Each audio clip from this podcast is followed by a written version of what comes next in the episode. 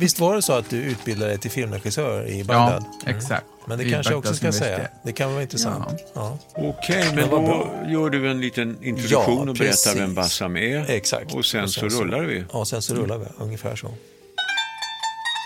Välkomna till ett nytt avsnitt av Mellanösternpodden som idag ska fokusera på Irak och inte bara det utan även, vi ska även diskutera sekularism i Mellanöstern, eh, om det finns en sån rörelse och hur den ser ut. För att hjälpa oss med detta så har vi eh, poeten och författaren Bassam al-Baghdadi med oss idag. Bassam kom till Sverige för 20 år sedan. Eh, han har varit aktiv under den tiden, bland annat just när det gäller de sakerna som, som sekularism. Han bildade Centrum för sekulär bildning i Sverige och har eh, i synnerhet under de senaste åren eh, varit aktiv när det gäller då att, att diskutera och föra upp frågan om sekularism i Mellanöstern. Den humanistiska rösten i Irak har han varit med och startat och grundat och han har också eh, varit aktiv eh, i den större frågan om, om, om separa, separationen mellan religion och politik i hela Mellanöstern, inte bara i Irak. Så, välkommen till Mellanösternpodden, Bassam al-Baghdadi. Tack. Vart går Irak idag, undrar våra lyssnare.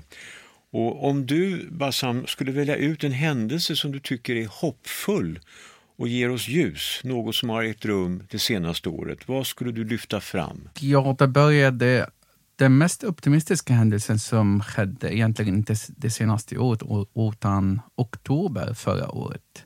Det var de där demonstrationerna som gick ut på gator. uh, unga killar och tjejer som gick ut och demonstrerade och krävde lagliga rättigheter, att uh, det ska vara någorlunda cirkulärt och nu pekar jag med mina fingrar, det syns inte.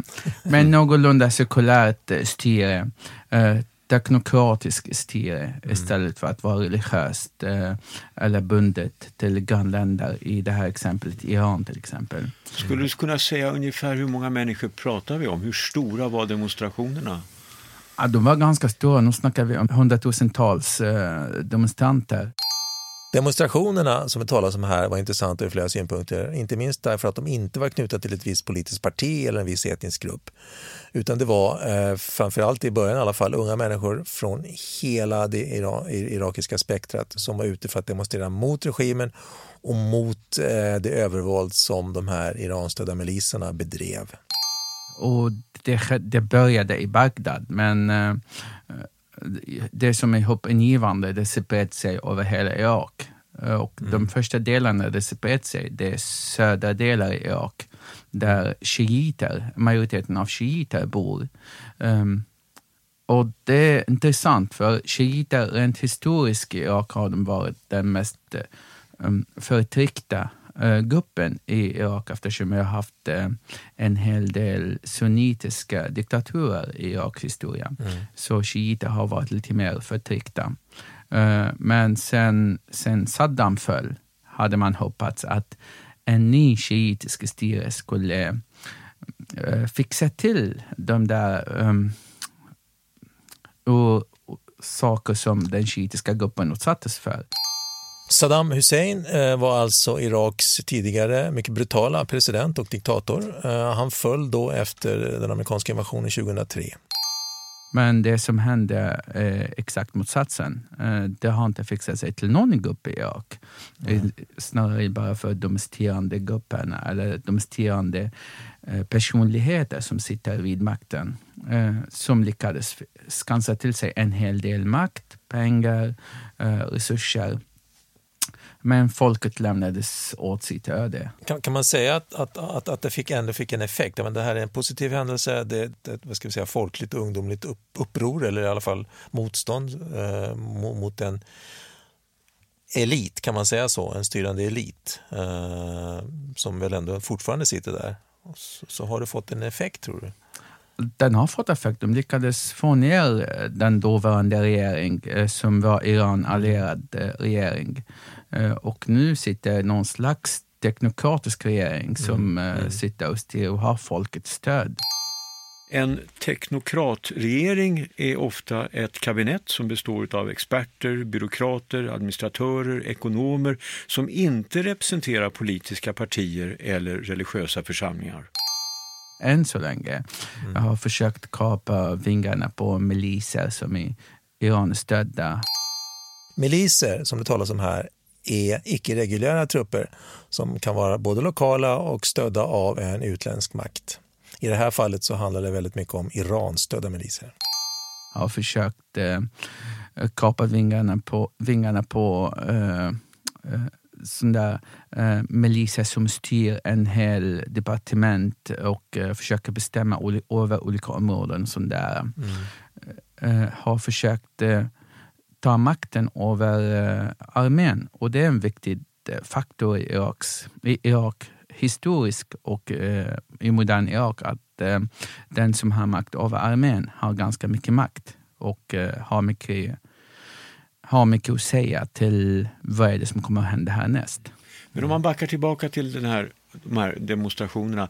De möttes alltså inte av motstånd från polis eller militär? Jo, det gjorde de. Eh, särskilt att eh, en hel del av militär och polis var eh, allierade till Iran. Eh, de var stödda av Iran. Om vi så att säga, vänder på frågan och ställer Eh, en, en, så att säga, en liknande fråga. Om du istället skulle fokusera på någonting negativt, eh, någon nedslående händelse från år 2020, vad skulle du peka på? Någonting som har gjort dig upprörd och kanske så att säga, fått dig att tvivla på framtiden?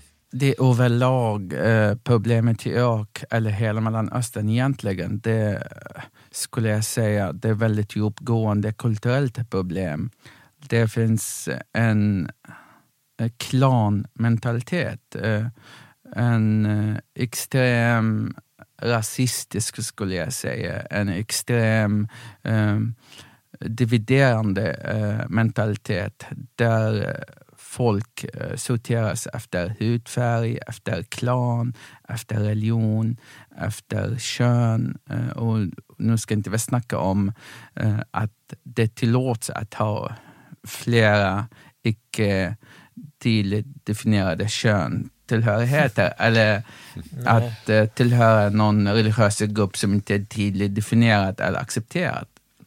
Nu snackar vi om de där grupper som är redan definierade, men ändå det finns extrem, extrema motsättningar mellan de här grupperna. För att hjälpa våra lyssnare, för jag tror att det är en god idé, om du bara skulle nämna, vilka är de tre stora grupperna i Irak? De tre största grupperna i Irak eh, utifrån kan man säga det är sunniter, shiiter och kurder. Okay. Mm. Uh, och kurder är en del av den sunnitiska gruppen egentligen. Men det finns också shiiter som är kurder. Mm.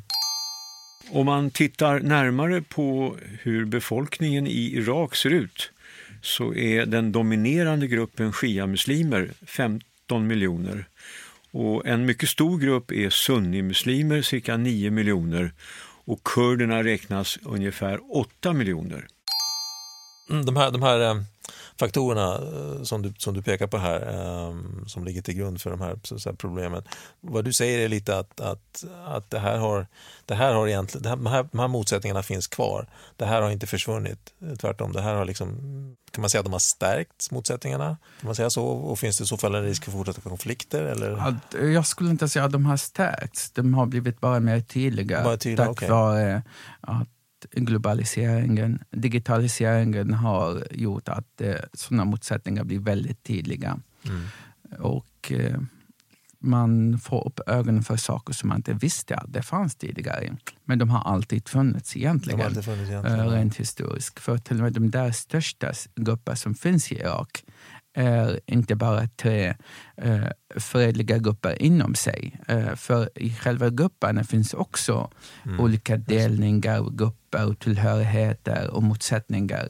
Mm. Och det gör att eh, två shiitiska grupper kan sitta i strid mot varandra eller till och med hata varandra. Mm. Eller två sunnitiska grupper eller två det är ganska tydligt med två uh, kurdiska politiska system som också strida mot varandra. Mm. Men är du de facto orolig för att de här motsättningarna, de här, det här hatet, den här nationalismen, den här ja, hämnden som också finns, att det kommer att generera ytterligare ett krig?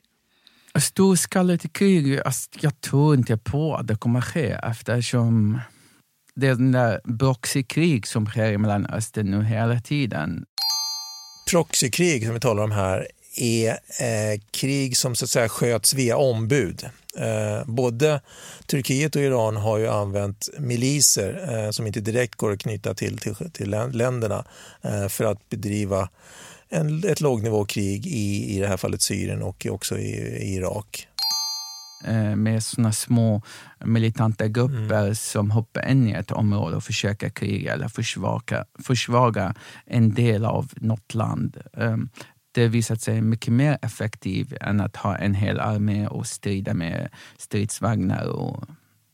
Så en sån där jättestor krig tror jag inte på, men en fortsatt Hizbollah-liknande, al-Qaida-liknande, eh, Iran-stödda miliser-liknande rörelser kommer fortsätta under en bra tid framöver tills de där konstgjorda gränserna försvinner tack vare globaliseringen.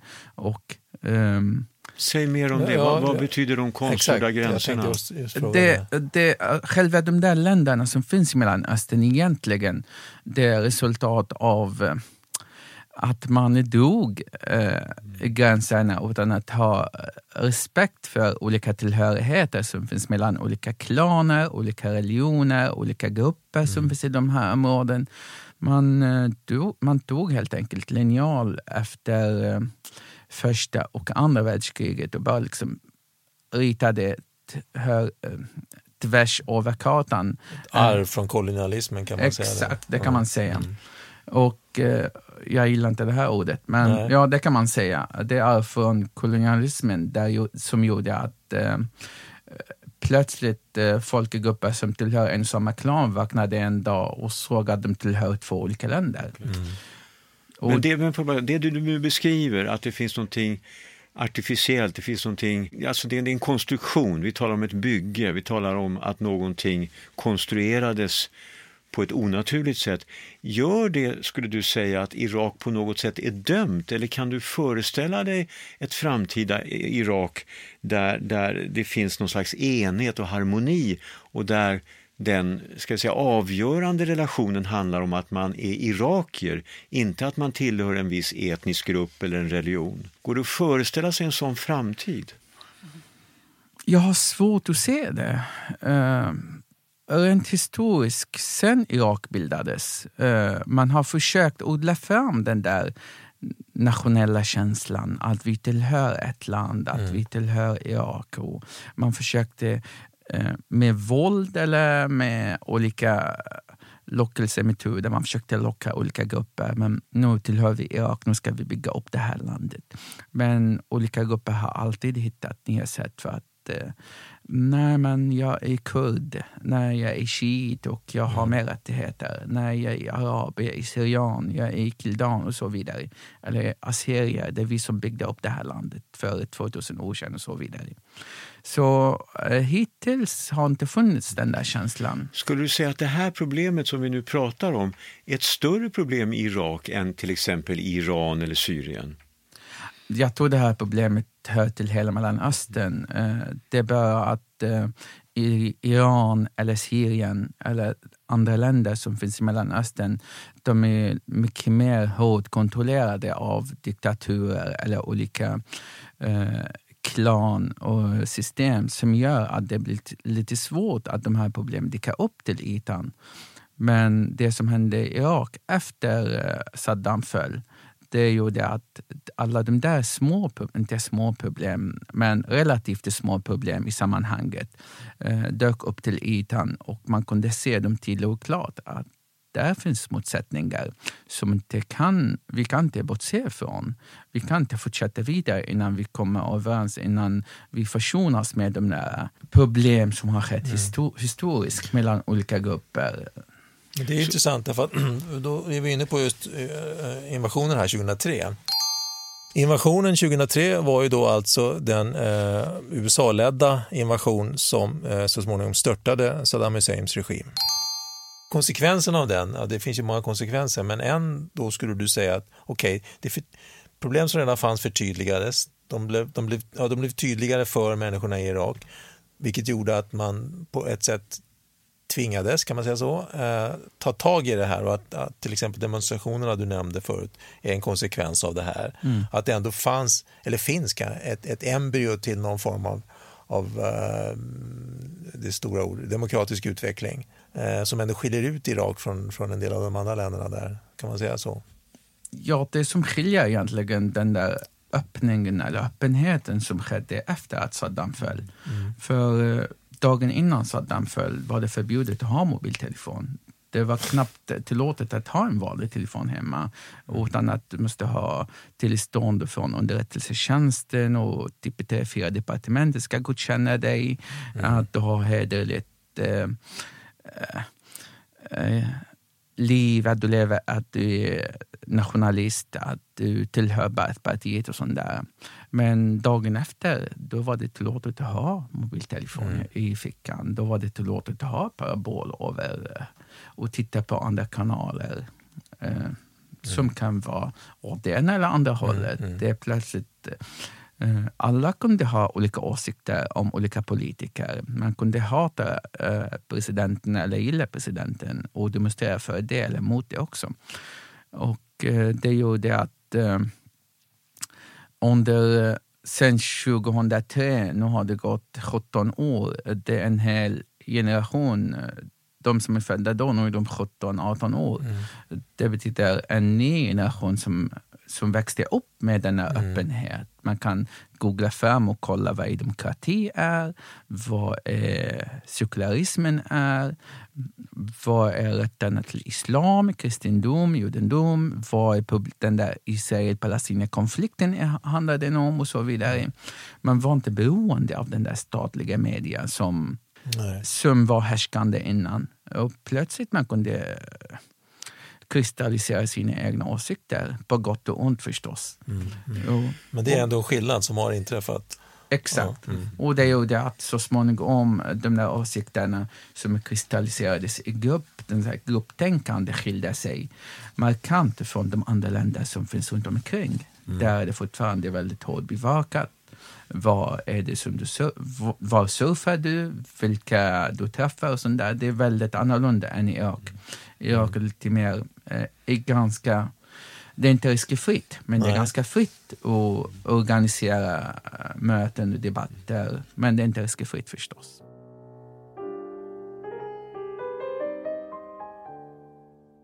Hur skulle du beskriva Iran? Ge, ge, oss en bild av hur ser relationen ut idag mellan Irak och Iran? Vad spelar Iran för roll i Iraks utveckling? Det är inte bara Irak som är påverkat av Iran. Det är i princip hela Mellanöstern, den där bältet med, från Libanon, sen Syrien, sen Irak. Det, hela den där bältet är påverkat av Iran. En negativa påverkan förstås. Uh, att man försöker... Uh, Men det här är ändå nära grannar? Mm. Ja, de är väldigt nära grannar. Det, där går väldigt långa gränser mellan de här två länderna. Uh, det, det är väldigt svårt att eh, Eh, se någon positiv effekt av Irans eh, extremreligiösa eh, ortodoxa styre. Att ha någon positiv, det är svårt att se att någon positiv effekt som kommer därifrån, som kommer att påverka Irak återtryckning. Det enda som jag ser, eller de flesta irakier delar den här åsikten med mig, om eh, man inte tycker om Iran förstås. Eh, att Iran har väldigt negativ påverkan på Irak eh, nutid och framtid. Och den här effekten kommer att fortsätta tills regeringen som sitter i Iran kommer att bytas ut. Eller den där religiösa styret kommer att falla på något sätt. Ser du det i en nära framtid? Att, att, att det iranska religiösa styret kommer att vältas? Det är väldigt svårt. Nej, det är inte en snar framtid. Och det är därför jag ser väldigt... Det, alltså för, Mellanöstern går väldigt, väldigt dålig framtid till mötes. Eh, på grund av de där motsättningar som finns idag mellan Iran och Saudiarabien som gör att eh, hela Mellanöstern sitter i brand på mer eller mindre. Och eh, man har skapat sig, eller etablerat mer eller mindre ständigt proxykrig i hela Mellanöstern mellan de här två stater mm. som representerar två ideologier. människor i Mellanöstern är väldigt, väldigt religiösa. Och det, det här är problemet som när man försöker läsa av Mellanöstern, man måste förstå det här sammanhanget. Mm. Det kan se ut att vissa inte är extremt religiösa. Eh, det kan se ut att vissa klär sig i moderna kläder och eh, lyssnar på eh, modern musik och sånt där. Men de är mindre religiösa i sammanhanget i Mellanöstern. Men de är extremt ortodox religiösa i vanligt sammanhang när vi talar om en global sammanhang. När vi talar om hur det ser ut i Italien och Frankrike och i Sverige och Danmark. Mm. De är väldigt religiösa. Men, men, men, och nu snackar vi inte bara om muslimer förstås, nu snackar nej, vi om precis alla religiösa ja, mm, grupper. Mm, mm, men, men just det faktum att, att med detta så följer då att man, att man inte, något, inte tolererar att någon annan kritiserar eller, eller, eller, eller kränker eller lämnar. Eller läm, ja, precis, eller lämnar. För det följer ju med. Jag menar, protesterna mot, mot, mot Frankrike här nu till exempel, även i ja, Irak. Exakt. Eh, man protesterar mer mot Macron än mot morden, så att säga. Ja, exakt. Mordet i Frankrike som det talas om här var alltså mordet på den franska läraren Samuel Paty som eh, dödades eh, av en eh, islamist eh, för att han hade i en lektion om yttrandefrihet illustrerat den med eh, teckningar från Charlie Hebdo. Det intressanta är kanske egentligen reaktionerna efteråt från runt om i, i den muslimska arabiska världen där Flera länder kritiserade Frankrikes reaktion på mordet eh, än de kritiserade själva mordet, eh, vilket väl säger en del om, hur känsligt det här ämnet är. Det finns ju en, en, en, dis, en, jo, det, en diskrepans det där. Så det, det, det, är inte nödvändigt så att bara för att du är religiös så måste du vara intolerant mot andra som möjligen inte är lika religiösa, i synnerhet inte om, om det är personer utifrån. Men det följer ju med. Så, så, hur, hur ska man kunna förklara det?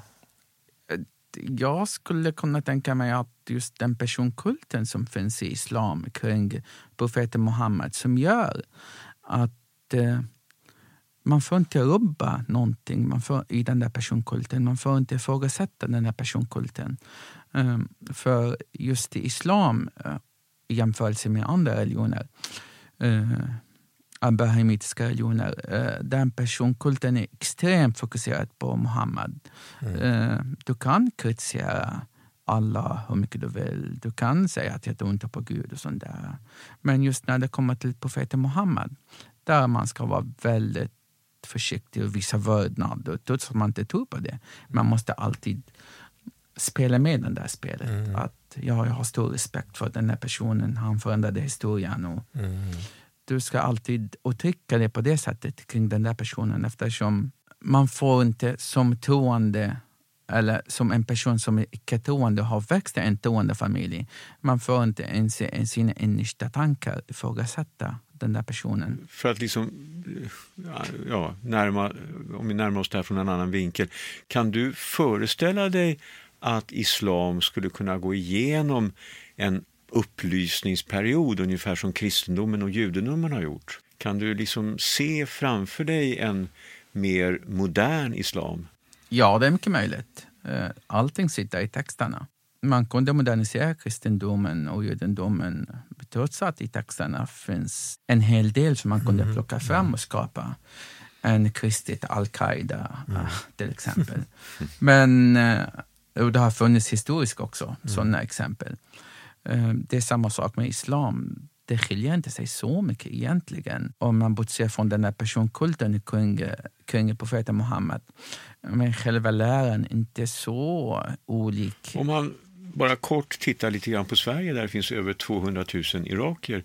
Hur skulle du säga att relationen till religion är i den gruppen? Går det att generalisera lite grann kring irakierna i Sverige? Ja, det är alltid fel att generalisera, men eh, de flesta som jag känner är religiösa. Uh, antingen muslimer eller kristna. Mm. De är religiösa. De är, de är visst mindre religiösa än vad de var. Mm. Uh, de kanske själva vet inte det. men uh, de är mindre religiösa än vad de var. Men i svensk sammanhang, de är ultrareligiösa. Så är majoriteten är religiösa och det är det som man, när man försöker lösa problem till exempel i Sverige eller Europa med integration, med eh, andra problem som har med migration och eh, integration mm. att göra. Och när man försöker lösa dem man måste förstå vilka vad är det för knappar finns att hantera? Vilka, vilka faktorer som spelar roll för att få uh, de här problemen lösta? Och just de här, den här frågan om religiositet är väldigt viktig för gruppen från Mellanöstern. Mm, mm. Tycker du att vi i Sverige är dåliga på att inse att människor är religiösa, att det är oerhört viktigt för många människor att vara religiösa? Är vi liksom okänsliga eller naiva när det gäller just den här dimensionen? Jag tror inte vi är naiva eller okänsliga, men vi är lite mer rädda att uh, tycka att uh, människor är olika. Vi, det är lite mer skräck kring att människor kan tänka olika, att bete sig olika. är vi väldigt rädda för att tänka att ja, men det finns människor som är verkligen onda människor. Men skulle du säga att du utsätter dig för en risk genom att offentligt framföra i den irakiska gruppen i Sverige att du är ateist? Nej, det är det som jag säger att äh, äh, irakier i Sverige, eller de flesta från Mellanöstern i Sverige, de är inte religiösa, lika, lika mycket religiösa som de var i sina hemländer. Men ja, det, det är inte risk, men äh, snarare man blir utstött. Man blir lite utanför. Man vill mm. inte ha med, med dig att göra. Mm. Om man är religiös och Eh, man försöker skydda sina barn från dina onda idéer. Då man vill helst inte ha någonting med det att göra om du är öppet ateist. Mm. I och för sig, jag går inte ut och hälsar på folk. Hej, jag heter Bassam, jag är ateist. det, det, funkar inte så. Liksom. Vi Nej. har väldigt mellanmänskliga relationer mellan människor. Men de som... Eh, Men är du inte känd i den irakiska gruppen i Sverige? De som är intresserade av de här frågorna som jag, som jag pratar om, och det är sekularismen och ateismen. Men de flesta som bor i, irakier som bor i Sverige känner inte igen mig. Nej. Tack och lov. Okay. Men däremot, och kommer inte att lyssna på Mellanösternpodden kanske? Nej, förmodligen inte. Uh, förhoppningsvis. Uh, och uh, de har den där toleranströskel den, den, hur kan man täcka det? De är, de är mer toleranta än uh, vad de var. För, mm. uh, de kommer från samhällen där tolerans var uh, skällord nästan. Att du tolererar saker, du ska inte tolerera. Du är ingen riktig man, du är ingen riktig muslim, du är inte riktig, du är inte riktig kristen om du tolererar vissa saker. Men här, man tolererar en hel del saker eftersom man lever i ett samhälle som inte uppmuntrar till intolerans. Snarare tvärtom, vi uppmuntrar till mer tolerans hela tiden. Och det är positivt på gott och ont förstås. Men eh, det finns positiva tendenser i det här. att eh, Lever du i ett samhälle som visar att det är viktigt med tolerans, att vi uppmuntrar inte föräldrar att döda sina döttrar som har kort kjol, Lever du i ett sånt där samhälle, sannolikheten att du går och dödar din dotter bara för att hon har kort kjol är väldigt liten. Det har skett, mm. tråkigt nog, men det är väldigt liten. Uh, hade du levt i ett annat sammanhang, i någon, något annat samhälle där du uppmuntras, där det är viktigt för dig som förälder att uh, upprätta din heder och genom att döda din dotter till exempel, eller döda din son som hade visat sig gay till exempel. Då är det viktigt, då känner du det, det är dina order som ber dig. Då, nu måste du gå ut och, och pöta din heder. Liksom, du ska inte låta den gå och, och bestraffa att eh, din dotter gör så eller din son gör så. Det här var ju ett väldigt intressant samtal Bassam, eh, tycker jag. Eh, och det finns nog anledning att återkomma både till dig och till de här frågorna. Eh, ja, det finns en hel del att prata om. Ja, det gör det. Vi löste liksom inga problem. Nej, men vi lyfte Nej, upp problemen på bordet och det, är viktigt, och det är viktigt. Eh, så tack för att du tog dig tid att komma hit, Bassam. Tack så jättemycket själva.